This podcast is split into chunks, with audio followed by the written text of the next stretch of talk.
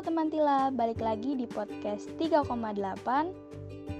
Obrolan seru nggak ada titiknya. Oke, kali ini kita bakal bawain segmen 38 FM Tapi pertama-tama boleh kali gue kenalin diri dulu. Oke, nama gue Nataya Dan gue Ira.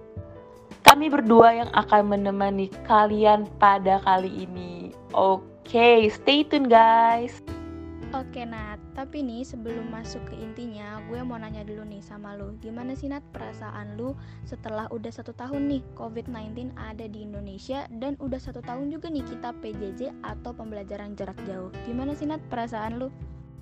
Oke, jujur ya Ra, gue tuh ya nggak gimana-gimana. Kayak ya udah jalanin aja. Kayak let it flow, enjoy, terus juga mau gak mau kan kita harus adaptasi kan dengan keadaan menurut gue juga sih di masa pandemi ini yang kita harus PJJ itu tuh kayak banyak sisi positif juga sih menurut gue. Kalau gue sendiri itu gue lebih bisa mengeksplor tentang hal-hal baru dan juga gue juga bisa ikut ke organisasian nih kayak sekarang. Kenapa sih gue tuh kayak pengen gitu ikut ke organisasi di masa pandemi? Itu tuh karena waktunya juga lebih fleksibel dan juga nambah temen sih Ra apalagi kan kayak mungkin susah gitu ya sosialisasi di masa pandemi lah organisasi akhirnya gue punya banyak temen tetap punya banyak temen karena organisasi ini walaupun di masa pandemi kalau lo sendiri gimana Ra?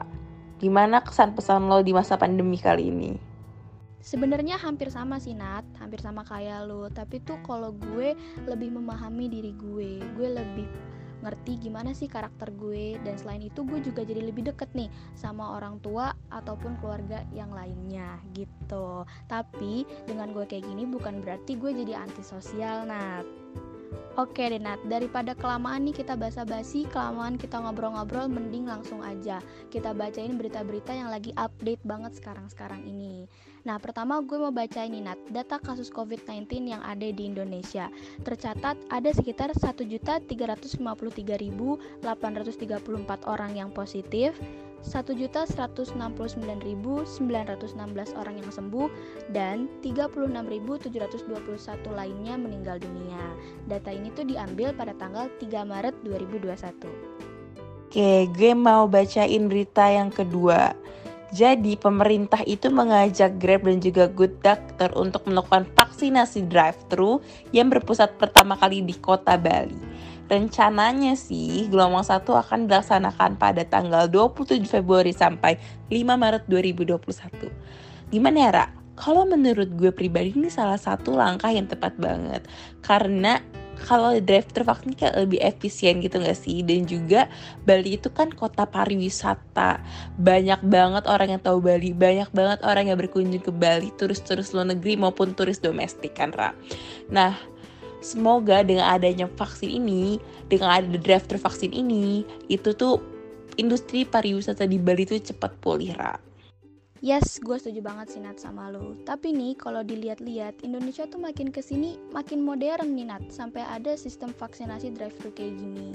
Semoga aja tuh sistem kayak gini bisa disebarluaskan ke kota-kota yang ada di Indonesia. Nah, ngomong-ngomong soal vaksin nih Nat, yang udah didistribusiin dan disuntikin ke beberapa masyarakat Indonesia. Kabar-kabarnya nih, Bapak Presiden Joko Widodo tuh menargetkan bulan Juli pembelajaran tatap muka tuh udah bisa dilaksanakan Nat. Karena vaksinasi ini tuh udah dimulai untuk tenaga pendidikan kayak guru pada tanggal 24 Februari kemarin. Kata Bapak Presiden juga nih sama kata Mendikbud Nadiem Makarim, kalau vaksinasinya ini bener selesai pada bulan Juni, berarti kita udah bisa belajar normal lagi nih Nat. Gak sabar banget Nira buat belajar cepatnya secara luring. Nah, itu kan beberapa berita yang kita bawain udah berita yang cukup menyenangkan. Tapi sayang banget ada satu berita yang kurang mengenakan Nira. Kalau misalnya Kemenkes temukan dua kasus COVID-19 varian baru di Indonesia yang asal dari Inggris yang katanya lebih ganas. Mutasi dari virus SARS-CoV-2 ini tuh awalnya ditemukan di New South Wales.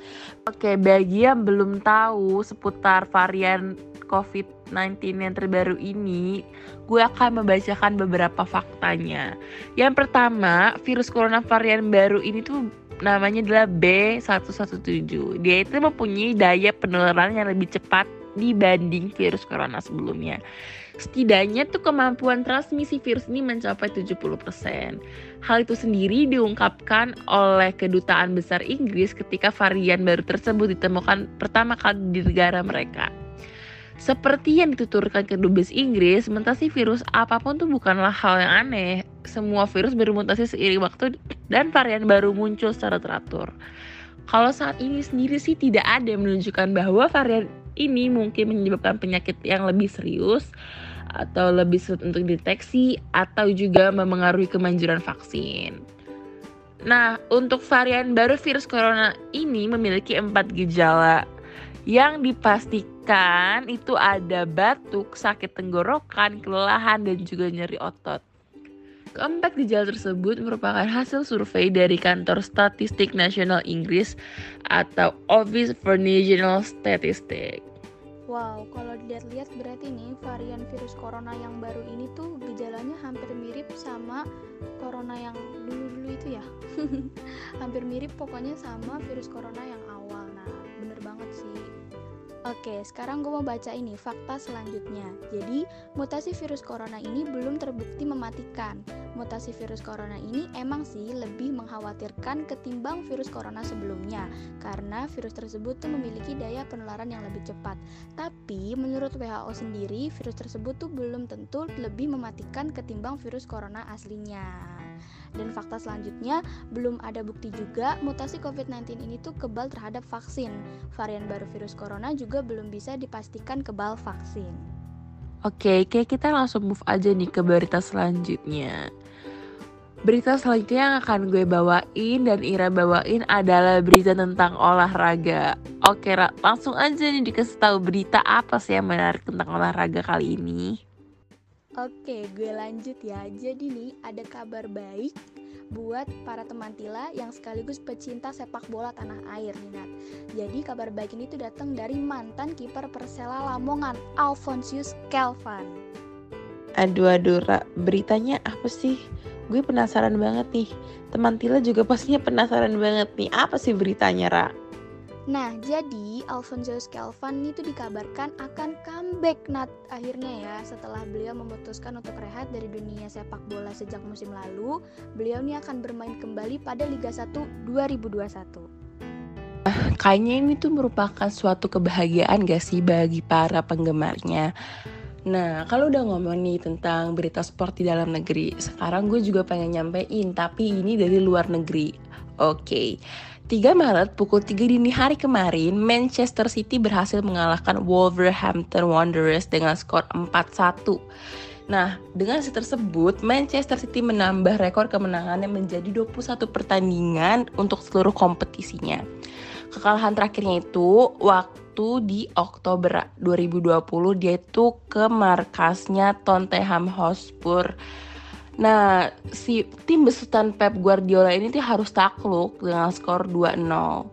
Selanjutnya nih yang ditunggu-tunggu, Manchester City akan menjamu tim rival sekotanya yaitu Manchester United pada tanggal 7 Maret nanti.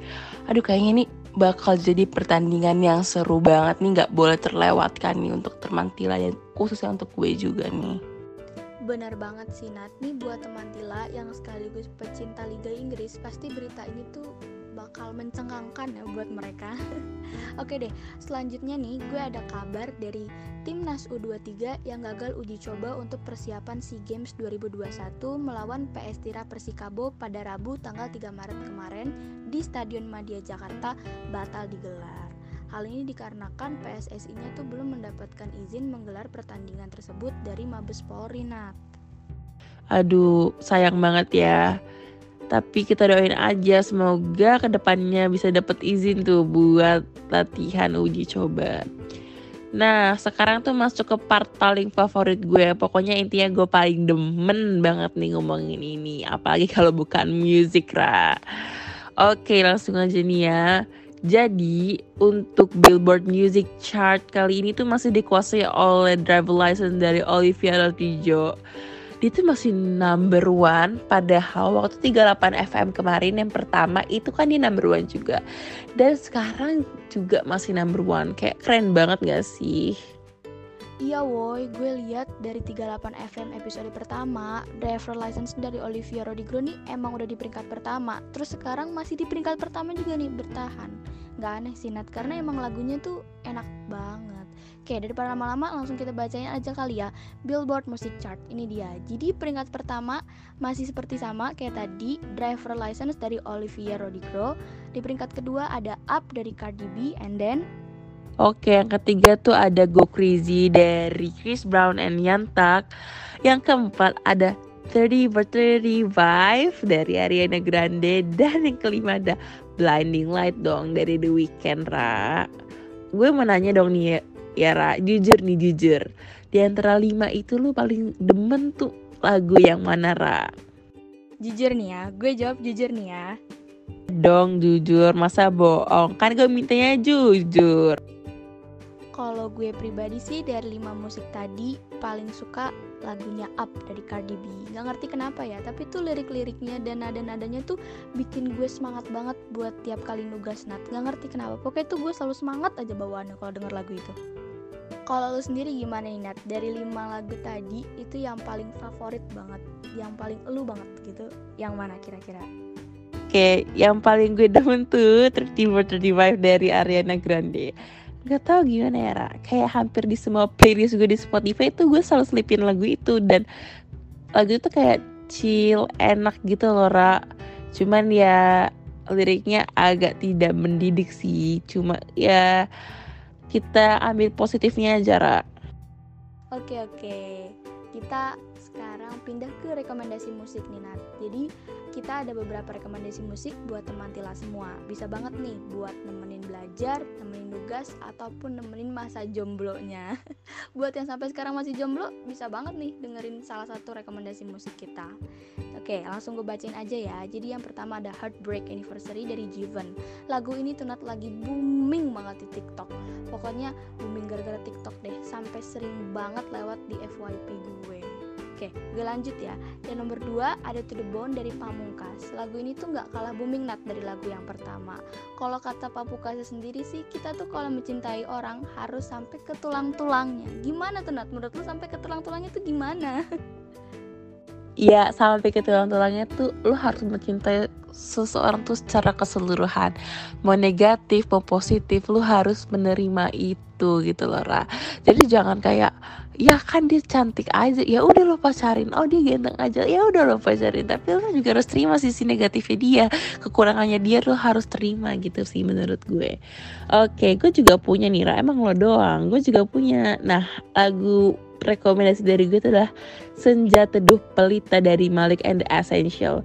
Lagu ini tuh kerasa banget vibe jazznya. Cocok buat yang suka lagu-lagu tipe kayak gini gitu. Dengerin pas sore-sore atau sambil belajar juga bisa banget lah. Ini ba bagi para bagi para penggemar Malik nih pasti tahu lah ya lagu ini. Oh iya iya, gue tahu nih musik ini gue juga sempet sih beberapa kali dengerin musik ini meskipun cuma lewat-lewat gitu aja. Oke Nina tadi bahas berita udah bahas olahraga udah bahas musik juga udah. Terus nggak kerasa Nina udah selesai. Masa Sira udah selesai? Padahal gue masih pengen banget nih ngobrol-ngobrol bareng teman Tila Iya nih, udah habis topiknya udah nggak ada lagi. gak apa-apa, gak apa-apa. Tenang aja nih, buat teman Tila kita akan ada segmen-segmen berikutnya yang gak kalah keren pastinya. Tapi nih Nat, sebelum kita closing, sebelum kita pamit, gue mau kasih tahu di buat teman Tila semua. Jadi yang belum follow IG OSIS MPK 38 pokoknya cepet-cepet deh follow. Karena di sana tuh kita bakalan update berita-berita tentang SMA 38 dan seputar acara yang akan dilaksanain sama 38 apalagi buat teman Tila sendiri nih. Kalau belum follow parah banget sih. Pokoknya ayo sekarang cepet follow IG OSIS MPK 38 oke kalian juga wajib banget follow Instagram 3,8 biar kalian tahu gimana sih update-update dari podcast 3,8 ini gitu kayak wajib banget wajib bin wajib banget kalau kalian harus follow. Yap, bener banget. Selain itu, teman Tila juga wajib follow 2 lewat 6. Jadi itu di sana bakalan ada barang-barang yang bagus dan keren-keren banget.